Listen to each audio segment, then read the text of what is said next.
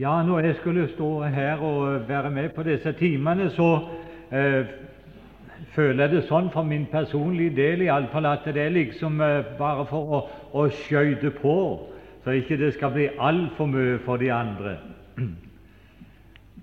Men eh, tross det så er det jo allikevel en glede å få være med. Eh, jeg har fått være med en gang før på disse kursene her, og det var på Valderøya for et par år siden. Og det var veldig gildt eh, å være med. Det er sant, det var det. Nå er jeg jo klar over det at eh, for min del at det her er de som har fulgt med på disse kursene her i mange, mange år. Eh, det var nå en som sa at han hadde vært på alle kursene ifra Aurebekk og Bjerkreim begynte. Så det er sikkert mange der i salen som kunne ha stått her lenge før jeg hadde kommet opp. Og det er sant. Men allikevel så var det noe som gleda meg veldig i går når jeg kom og fikk se flokken her, og det var disse mange unge. De er jo det er jo inspirerende å se på en sånn en ungdommelig forsamling. Og eh, det gleder meg, det, for eh, jeg sa det oppe på Valderøya at når for eh, Bjerkreim og Aurebekk preker til de voksne troende, så får jeg si litt til disse halvvokstringene og, og de yngre, og så får de andre følge med. Da er det liksom, da blir jeg for min del eh, mer frimodig òg, eh, når jeg føler på at her er iallfall såpass unge folk her, og kanskje uerfarne, at vi hadde litt å bringe dem. Og da er det en glede å stå her oppe. Når det gjelder de timene som eh, jeg skulle ha, så eh, kom jeg til å tenke på det at det er sikkert talt om før. Disse kursene her er jo overtatt av de som Adolf Bjerkreim og Gustav Nilsen hadde i sin tid. Og Jeg var så heldig første sommeren som jeg var omvendt, så var jeg eh, heldig og kom til Karmøya og fikk eh, være med som deltaker på et sånt et kurs. Og det er så langt tilbake som jeg tør nesten ikke si det. I 1930. 1930 da var vi samla der på Karmøyna, og eh, da var det Gustav Nilsen og Bjerkreim og Karsten Line som var hovedtalerne der. Og jeg skal si det ga mersmak. Som et ganske nyfrelst menneske å komme inn i et sånt et miljø, få sitte under slik en talerstol det var inspirerende. Jeg tror det ga meg noe uh, som jeg får beholde resten av livet. Jeg tror det. Og det var også vårt ønske at, uh, at uh, vi måtte få være med og så gi noe som kunne bli til velsignelse resten av livet for noen her. Som jeg nevnte for min del første kvelden eh, når vi var samla her på søndagskvelden, så eh, er det noe vi trenger i dag, så er det bibeltime, bibelkurs. Fordi at det er synet på Bibelen som greier å holde oss på, vett, på veien, og holde oss rett på veien. Her er så mange vrange lærdommer ute og går i dag, eh, som eh, får flere og flere tilhengere også i Norge. Det er grusomt trist å se. Vi har de rett i nabolaget hjemme, mennesker som er grepet av falske lærdommer. Og det er grusomt trist å se. Hvis de menneskene hadde hatt et rett syn på Skriften, så hadde de blitt sluppet å bli grepen av slike vrange lærdommer. Derfor har det så uendelig mye å bety at vi får inn ordet, det profetiske ord som det var talt om her rent og rett i denne vanskelige tid.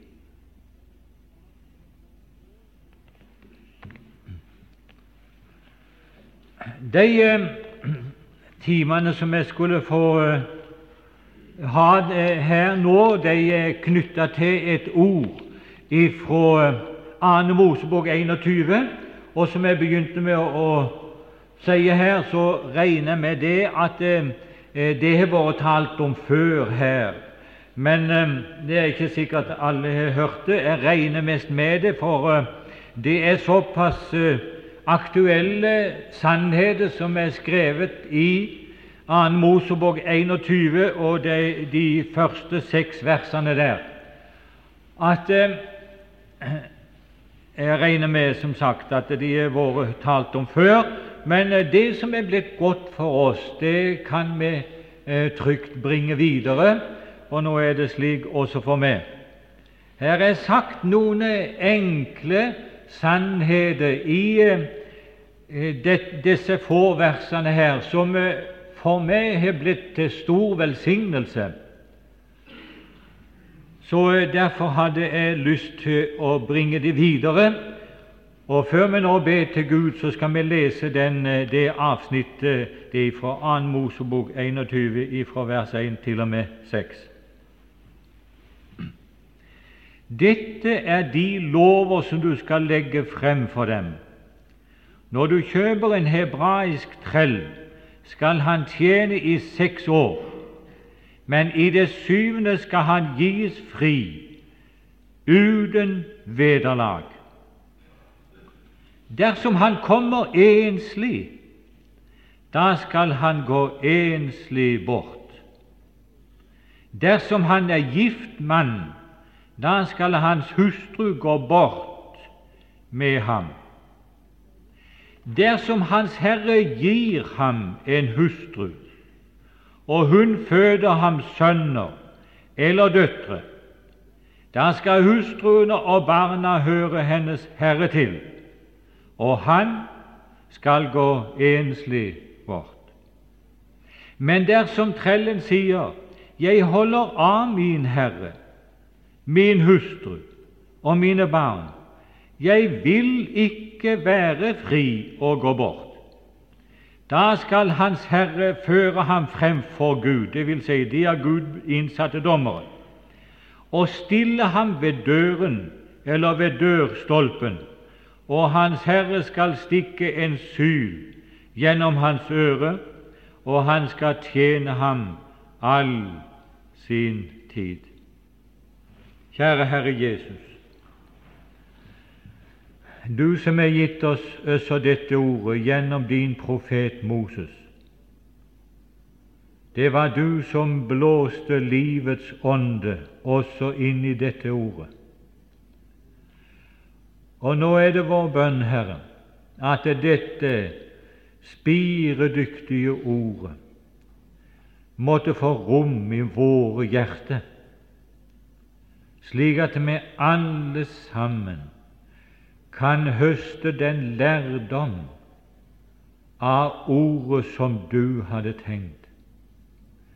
Og det er min bønn, Herre, at ikke jeg må stå i veien, men at Den hellige ånd måtte få gjøre din gjerning i våres alles hjerte. Herre, jeg ber om velsignelse for denne timen for Jesus skyld. Amen.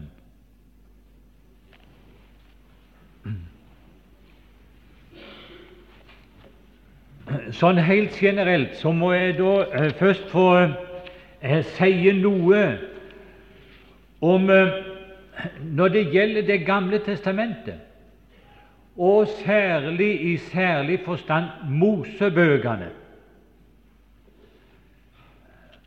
Her er sikkert mange som er helt klar over det, men det er ikke sikkert alle er det. Det er ingen bok i Bibelen som er så angrepen som Første Mosebok. Gjennom århundrer så har den boka Nå er jo dette ordet her hentet fra annen Mosebok. Men la meg bare nevne Første Mosebok. Det er ingen bok som er så angrepen som den. Hvorfor det? Fordi at Første Mosebok, eller Mosebøkene kan vi si, men i særskilt grad Første Mosebok, er grunnvollen for alle lærdommer til menneskeslekten. På den grunnen er alt annet i Bibelen bygd på Første Mosebok. Der vil du finne alle lærdommer nedskreven for oss, både direkte profetisk og gjennom forbildet, og ikke minst gjennom forbildet. Jeg har kommet til for min del at hvis vi skal lære åpenbaringsboka å kjenne, f.eks., da må vi i første rekke kjenne Første Mosebok.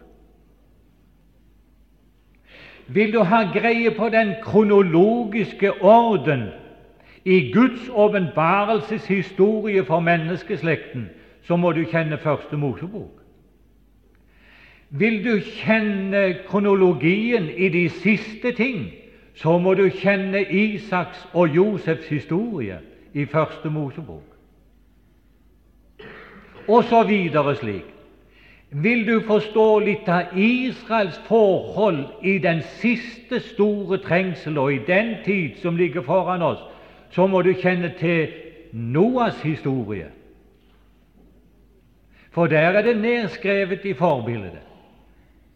Vil du kjenne litt til Guds frelse med hedningverdenen, så må du kjenne litt til eh, Guds handlemåte med maninden, som senere ble Eva, alle levendes mor. Og jeg for min del i disse timene kommer litt inn på når Gud skaffer til veie en frelsesdrakt for syndere, som er beskrevet i eh, hele vår bibel for øvrig. Den har grunnvollen i Første Mosebok 3.21.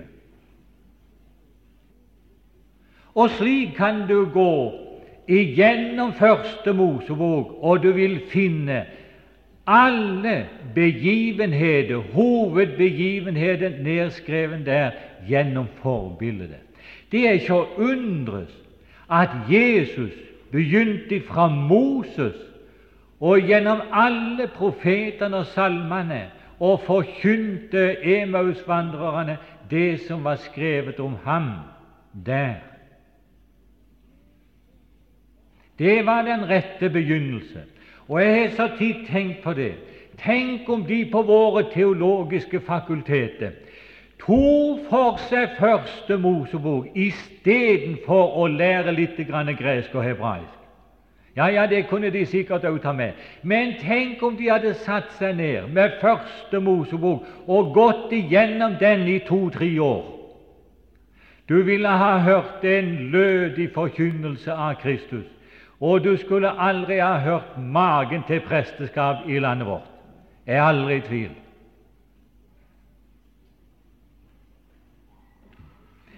Nå, Jeg hadde så lyst til å lese litt for det, for at vi skal få bitte grann eh, mer greie på med enkelte mennesker som er sett så dypt inn i Guds åpenbarelseshistorie som han har, og det er Erik Sauer. Her er mange av dere som har lest hans bøker. Jeg ville bare sitere eller lese litt ifra ei av hans bøker fra evighet til evighet når det angår både Første Mosebok og resten av Bibelen. For uh, han kan si det på en måte som ingen andre, så langt jeg kjenner til han. Det står så i 100, side 149 i den boka under inspirasjon vist ved Skriftens harmoni. Så har han sagt det på denne måten. La oss anta at i løpet av mange år kom det til et visst sted marmorstykker av meget forskjellig størrelse og utseende Disse stykkene kan vi også si kom fra tre forskjellige kontinenter og fra mer enn 40 forskjellige billedhoggere.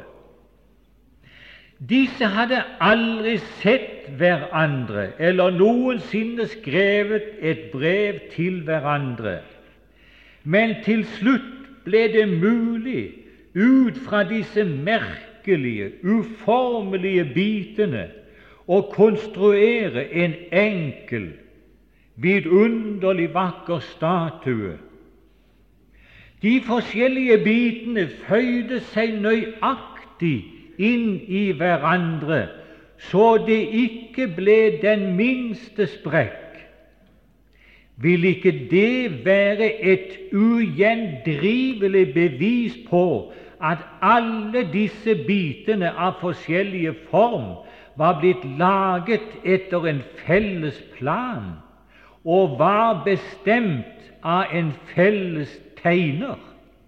Ingen ville betvile det.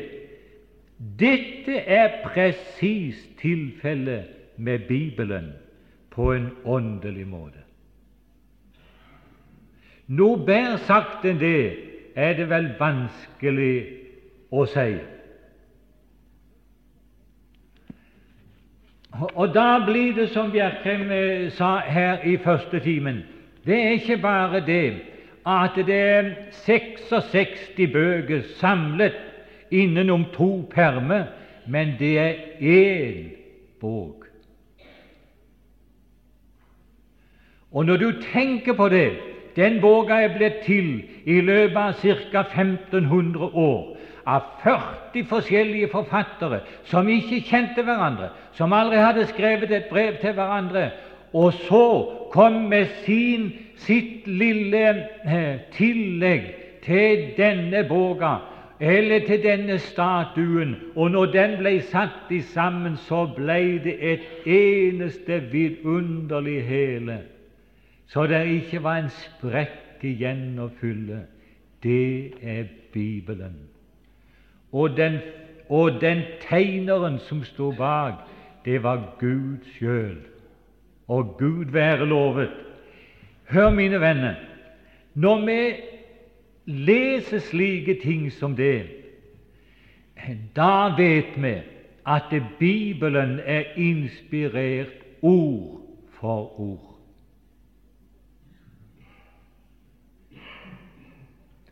Og det er ganske, det er ganske innlysende at den må være det, fordi at profetene de talte, som det også var talt om her i første timen, om noe som de selv ikke forsto. De måtte bare skrive det ned, ord for ord, som ble inngitt dem av Den hellige ånd. Gud være lovet. Her i dette avsnittet er det talt om eh, en trell Og eh, jeg for min del ser det jo slik at når vi ser dette i sammenheng, disse få versene her, så skjønner vi jo at det er om Jesus dere taler i første rekke. Det er klart det var en helt alminnelig lov i Israel, det som her kom fram, men samtidig som det var en lov, så er det også et forbilde på i første rekke den Herre Jesus og hans forhold til sin brud.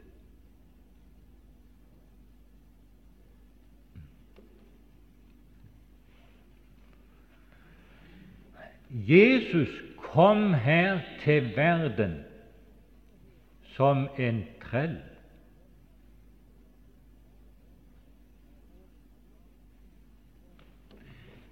I alminnelighet så hører vi at Jesus han, han kom her, hans oppgave her i verden var å åpenbares som profet og konge og prest.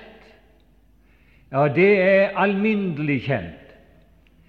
Eh, men det er lite vi hører at Jesus åpenbartes i denne verden som en trell.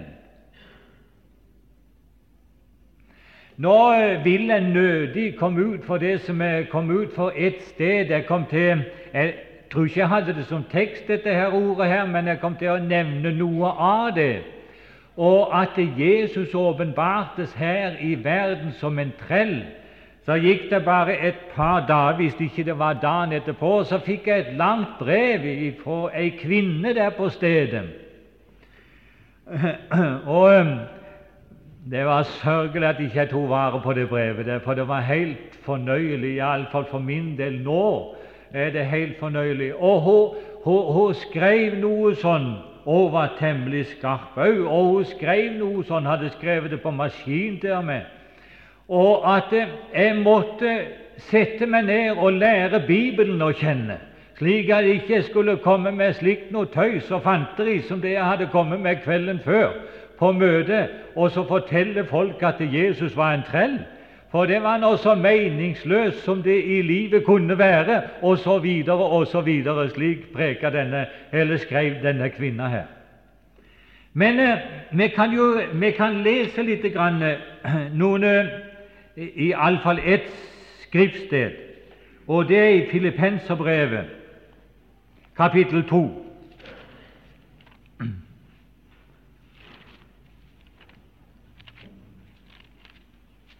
Nå er det bare det å si at i våre bibler Nå har jeg ikke den andre eh, norske og engelske bibelen med, men eh, jeg kan iallfall sitere det slik som det er sagt i den engelske bibelen. Men her står det slik ifra Filippenserbrevet 2,5 og følgende La dette sinn være i eder, som òg var i Kristus Jesus. Han som da han var i Guds skikkelse, ikke aktet det for et rov å være Gud lik, men av seg selv ga avkall på det og tok en tjenerskikkelse på seg idet han kom i menneskers lignelse. Der der er sagt en tjenerskikkelse, sto der i de eldgamle bibler at han kom i en trells skikkelse. Det kan de bevise som eh, leser de gamle biblene.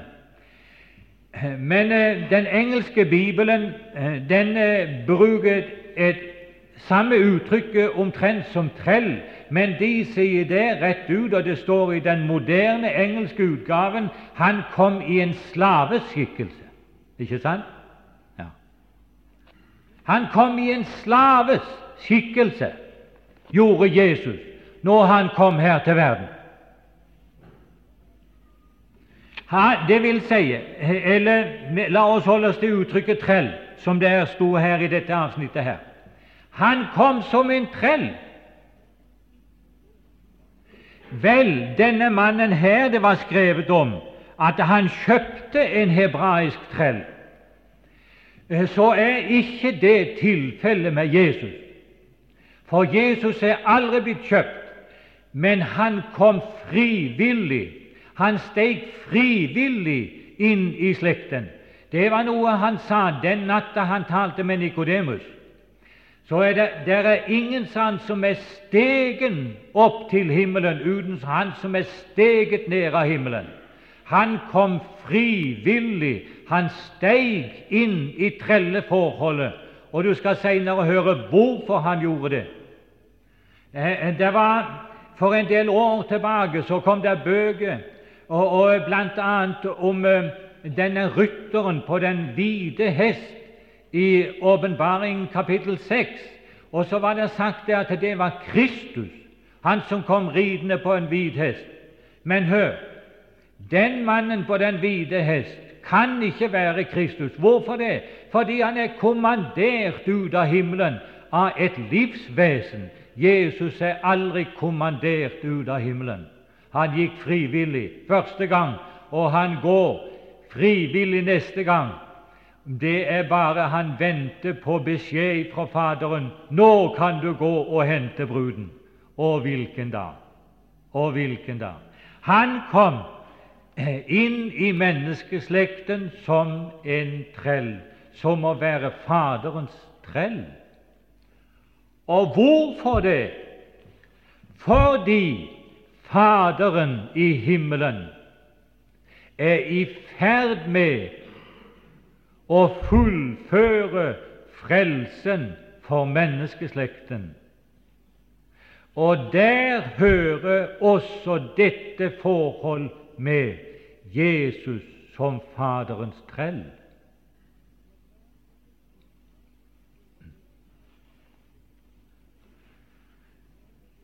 Hvis du slår opp Hebreerbrevet 10 og lese vers 5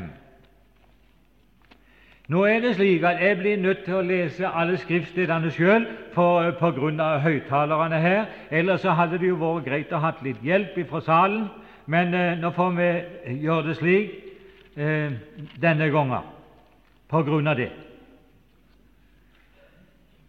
Her er Jesus framstilt når han stiger inn i verden. Men jeg tror at for sammenhengens skyld så må vi lese fra vers 1 i Hebreabrevet 10. For da loven bare har en skygge av de kommende goder, men ikke selve bildet av tingene, så kan den aldri ved det offer som de hvert år alltid på ny bærer frem, gjøre dem fullkomne som kommer frem med dem. Ellers ville de jo ha opphørt med å frembære dem, da de ofrene ikke lenger ville ha synder på samvittigheten når de en gang var renset.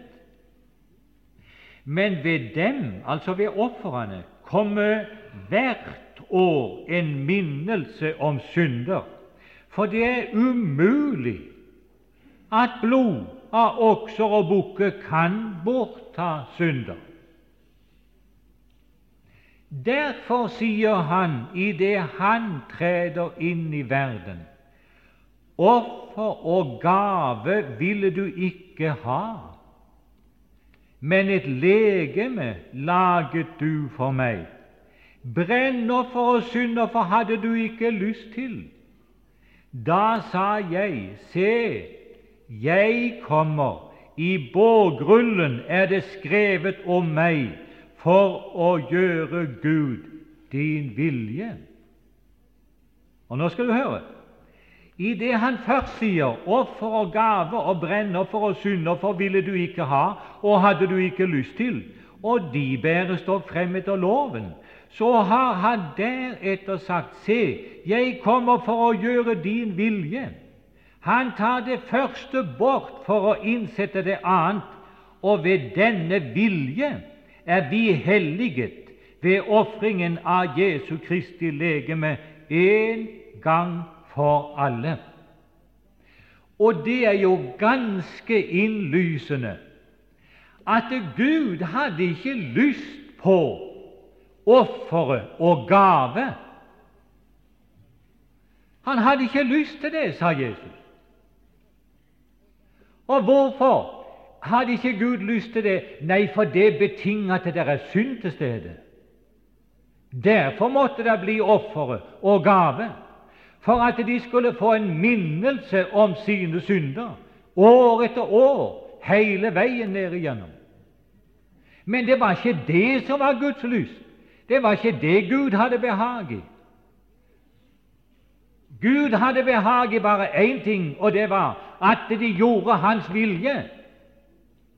Og hør nå Og det inntil Jesus kom, så var det ikke én som hadde greid å gjøre Guds vilje.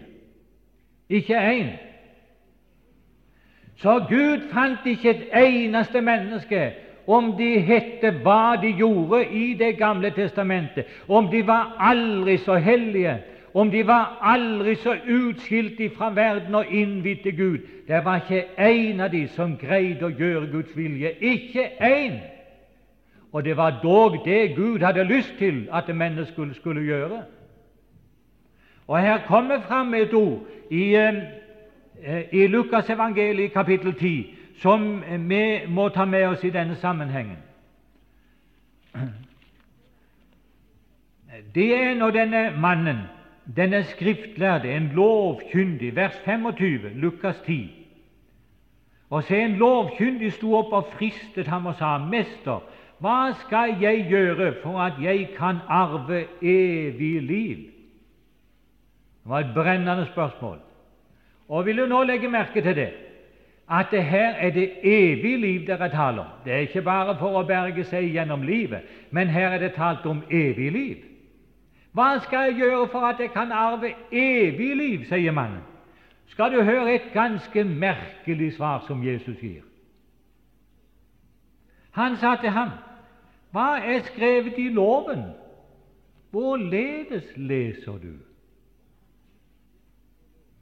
Og så leser mannen, så trekker han fram en, kan du si, en konklusjon av Guds bud og lov. Så sier han du skal elske Herren din Gud av alt ditt hjerte, av all din sjel og av all din makt og av all din hu og din neste som deg selv. Hør nå. Da sa Jesus til ham, du svarte rett, gjør dette, så skal du leve. Ja, skulle du ha hørt magen? Altså, det vil si at hvis et menneske greide å leve etter loven, så hadde han evig liv.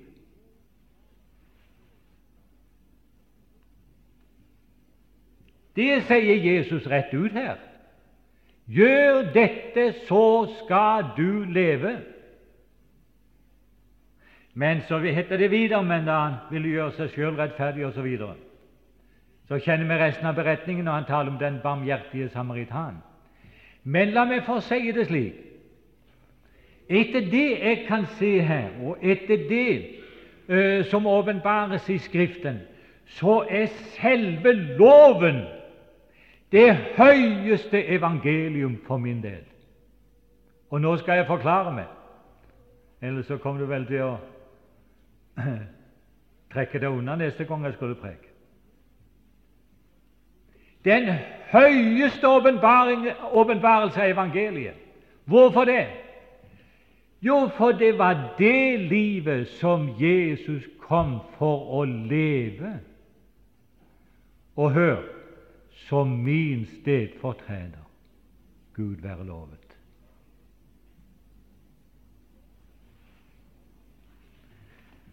Det er ganske eiendommelig å se. Eiendommelig er det for så vidt ikke, for det er bibelsk rett og sant og guddommelig sant. Det heter her Derfor sier han i vers 5 i Hebreerbrevet Derfor sier han i det han treder inn i verden Offer og gave ville du ikke ha, men et legeme laget du for meg. Hør nå. Det var nå et underlig barn òg. Ja, han var helt annerledes enn alle de andre. Jeg har vært med ved fødselen og første gutten vår ble født, og det var hjemme i soveværelset hos oss. Det første han gjorde Ja, det var ikke akkurat Jo da, det første han gjorde, det var det han, han skreik. Han skreik ikke med det samme han var født, men så ga doktoren han en klaps på enden, og da skreik han. Det er visst for å hjelpe de til å få eh, opp målet. Men Jesus, når han steg inn i verden, så talte han. Det står det her. Derfor sier han i det han treder inn i verden. Det er noen som sier det at de første ordene av Jesus de har med når han eh, var tolv år gammel og var med sine foreldre til Jerusalem.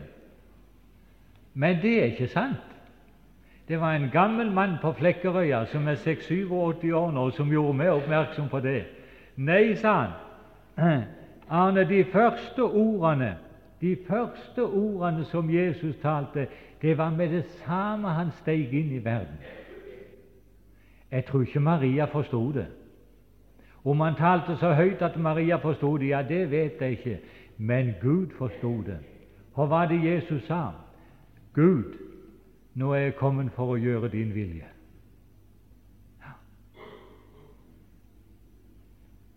Det første mennesket som var kommet for å gjøre Guds vilje.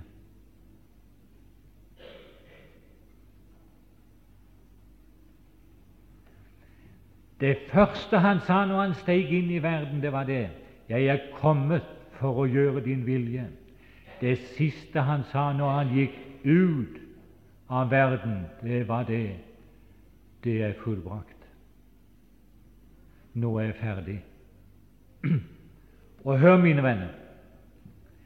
Dermed hadde Jesus til veie brakt den klededrakt som måtte til for at du og meg kunne komme inn i himmelen. Den er åpenbaret i Første Mosebok kapittel 3 og vers 21. Og her er selve grunnvollen, som jeg sa i stad. Her er selve grunnvollen for det verk som Gud gjorde i den Herre Jesus Kristus mens han vandra her i verden.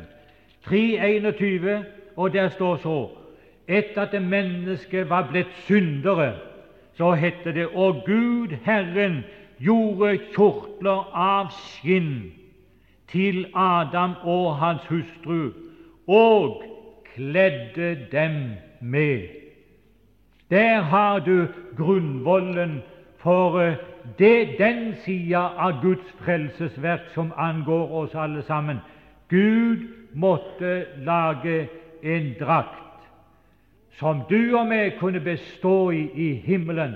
Og den drakta der, den er symbolisert i Jesu kjortel, den blå overkjortelen som Jesus gikk med her i verden, og som han la fra seg på Golgata før han gikk gjennom forhenget og inn i herligheten i et linklede.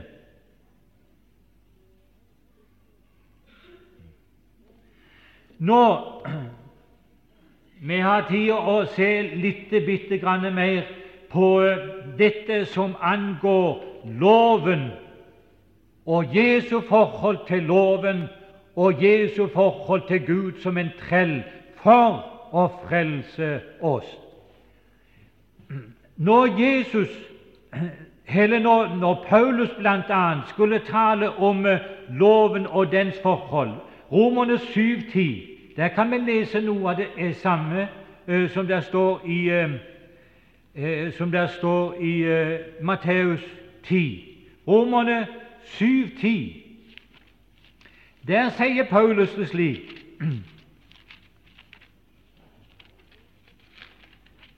Vi må ha med et par skriftsteder her. Jeg, ja, Vi kan lese vers 9 med. Jeg levet en tid uten loven, men da budet kom, ble synden levende igjen. Jeg derimot døde, og budet som var til liv, ble funnet å være meg til død. Altså, budet var til liv, sier Paulus, men det ble funnet å være meg til død. Og litt lenger ned der står det flere steder om loven. Vers 14 blant, ja, hele vers 12 så er da loven hellig og budet hellig og rettferdig og godt.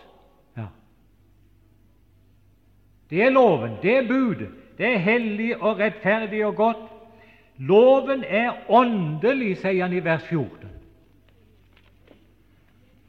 Der er sagt det, og det er sagt med rette. Der er ikke gitt noen budene. De er ikke gitt til hedningefolket. De er gitt til jødefolket, og det er sant. Men selv om ikke loven er gitt til hedningefolket som bud, så er det allikevel Guds mønster av et menneske som uttales i loven. Sånn vil Gud at mennesket skal være, enten du er jøde og er lagt under loven som en jøde, eller du er hedning, så er det Guds mønster av mennesket. Det er det loven uttrykker. Sånn vil Gud at mennesket skal være. Da er det godt for meg også å lese at Jesus han levet akkurat etter Guds mønster, og ikke på grunn av at det var hans bud, Guds bud til ham, men på grunn av hans hjertes forhold og innstilling til Gud. Og det er godt å ta med. Noe av det viser Jesus, eller åpenbarer Jesus for oss. Eh, eh, annet i, i Salme 119, eh, der står det i vers 77 Så sier han det at 'Jeg har lyst til din lov'. Jeg har lyst til din lov. Og hvis du leser i Johannes 4, 34 er det visst, tror jeg har notert det et eller annet sted her Johannes 4, så vil du se, se det at Jesus han sier til sine disipler det er min mat, sier han, å gjøre Guds vilje. Det var hans lyst å gjøre Guds vilje. Det var hans mat å gjøre Guds vilje. Og hør nå Du må ta med deg dette her, fordi at det har med ditt og mitt personlige liv med Gud å gjøre. Sånn var Jesus. Sånn levet Jesus som en stedfortreder for meg. Jeg tror jeg tør si det slik den mest lykkelige mann som er gått her i verden, hvem var det? Det var Jesus. Dette har jeg talt til dem for at min glede kan være i dem, sa Jesus, og at deres glede gjennom det kan bli fullkommen Hør nå, det er noe vi kjenner alle sammen. At det, her er mange mennesker som mener skal jeg få glede i, ver i verden Og hør, også blant troende skal jeg få noe glede i verden, så må jeg ha no med noe av det verden kan gi. Jeg må eh, ha med kinoen, jeg må ha med teater. Det er mange her, kristne ungdommer her i byen, og for, eh, for den saks skyld mange andre steder òg, som holder på med dette. Skal jeg få noe glede i livet, så må jeg ha med noe av det som er i verden. Enten det er på restaurant, eller på tivoli, eller på kino, eller teater, eller noe av det som verden kan ha i by på. Hør nå, min kjære venn. Jesus har bevist for oss det mest lykkelige liv som finnes i denne verden, det er å følge Guds bud. Guds ord følge Den hellige ånds ledelse gjennom hele livet. Det er det mest lykkelige liv som finnes i denne verden. Det er Jesus bevist. Det er min mat, sa han, å gjøre Guds vilje.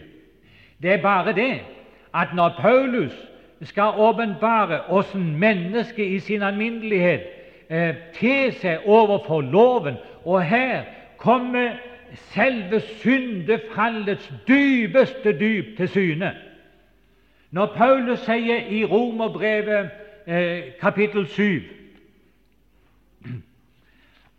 så sier han ja, Der sier Paulus bl.a. dette med hensyn til hans forhold til, til loven. Og så sier Paulus det på denne måten. Vi, vi skal finne det og lese det. Han sier det slik for, for, vi vet at loven er åndelig, jeg derimot kjødelig solgt under synden. Og Det beviser han også i Romerbrevet. Nå er klokka gått så langt at jeg får ikke tid å ta fram så mye av det, iallfall ikke nå. Men hør nå. I Romerbrevet der sier Paulus det at loven den virker vrede når loven når oss, og budet når oss, og begynner å arbeide med oss Hør, min venn, så virker det vrede, det yngle vrede, når budet kommer inn, begjærligheten kjente jeg ikke, sa Paulus, hvis ikke budet hadde sagt 'du skal ikke begjære', men med det samme det budet kom inn, så begynte det å yngle begjær hos Paulus. Og hør, og slik er forholdet til oss alle sammen når det gjelder loven og Guds bud. Jo nærmere du kommer, jo mer intenst du vil nærme deg Gud gjennom loven, jo mer yngler det av den slags forferdelige ting. Og her ser du forholdet på vårt indre og Jesu indre liv. Når loven kom til han, så sa han det er min lyst. Det er ikke bare min lyst, men det er min mat det å gjøre Hans vilje. Når loven kommer til du og meg, så yngler det vrede, begjærlighet og alle slags synd. Der ser du selve syndefallets grusomme dyp. Der, det, derfor måtte Gud konkludere med det i Romerbrevet 8,1 og følgende. Så er det da ingen fordømmelse for den som er i Kristus Jesus. For livets åndslov har i Kristus Jesus frigjort meg fra syndens og dødens lov. For det som var umulig for loven i det den var maktesløs ved kjødet. Umulig! Hvorfor det? Det var umulig. For med det samme loven kom, så virket det vrede, så virket det begjærlighet, så virket det alt det der. Det var en teolog som kom til meg, og så sa han, så sa han det en gang at Kjære all verden, sa han, vi må jo ha loven som ei rettesnor, sa han, hvis vi skal greie å også leve. Og han, han, holdt på å lese teologi. Og det, jo, jo, så sa jeg det han, ja, bare kjør i vei, sa jeg, så godt du kan. Kjør i vei så godt du kan og ha loven som er rettesnor, enten de har sagt det både Rosenius og Luther og visst mange andre som har sagt det. Jeg vet ikke riktig sammenhengen, men så kom han til meg noen dager etterpå inn på verkstedet nede på Hunsås og klødde seg i hodet, så sa han du har forsynet meg rett, sa han. Ja, bare prøv. Og nei, det er vidunderlig godt å vite at hele min frelse er knytta til én person. Hele mitt livs frelse er knytta til ett liv, og det er hans liv som sa er kommet, o Gud, for å gjøre din vilje. Kjære Herre Jesus. Og nå er det vår bønn, Herre, at det er alle oss som er inne her, måtte knytte våre liv bare til det ene, og det er det som Gud frembrakte gjennom ditt liv og gjennom din død. Herre, jeg ber deg om det, at ikke vi skal sette vår lit til noe annet når det gjelder vår frelse. Vi ber om det og takker for at du hører våre bønner. I Jesu navn. Amen. Vi finner sangen på nummer 15.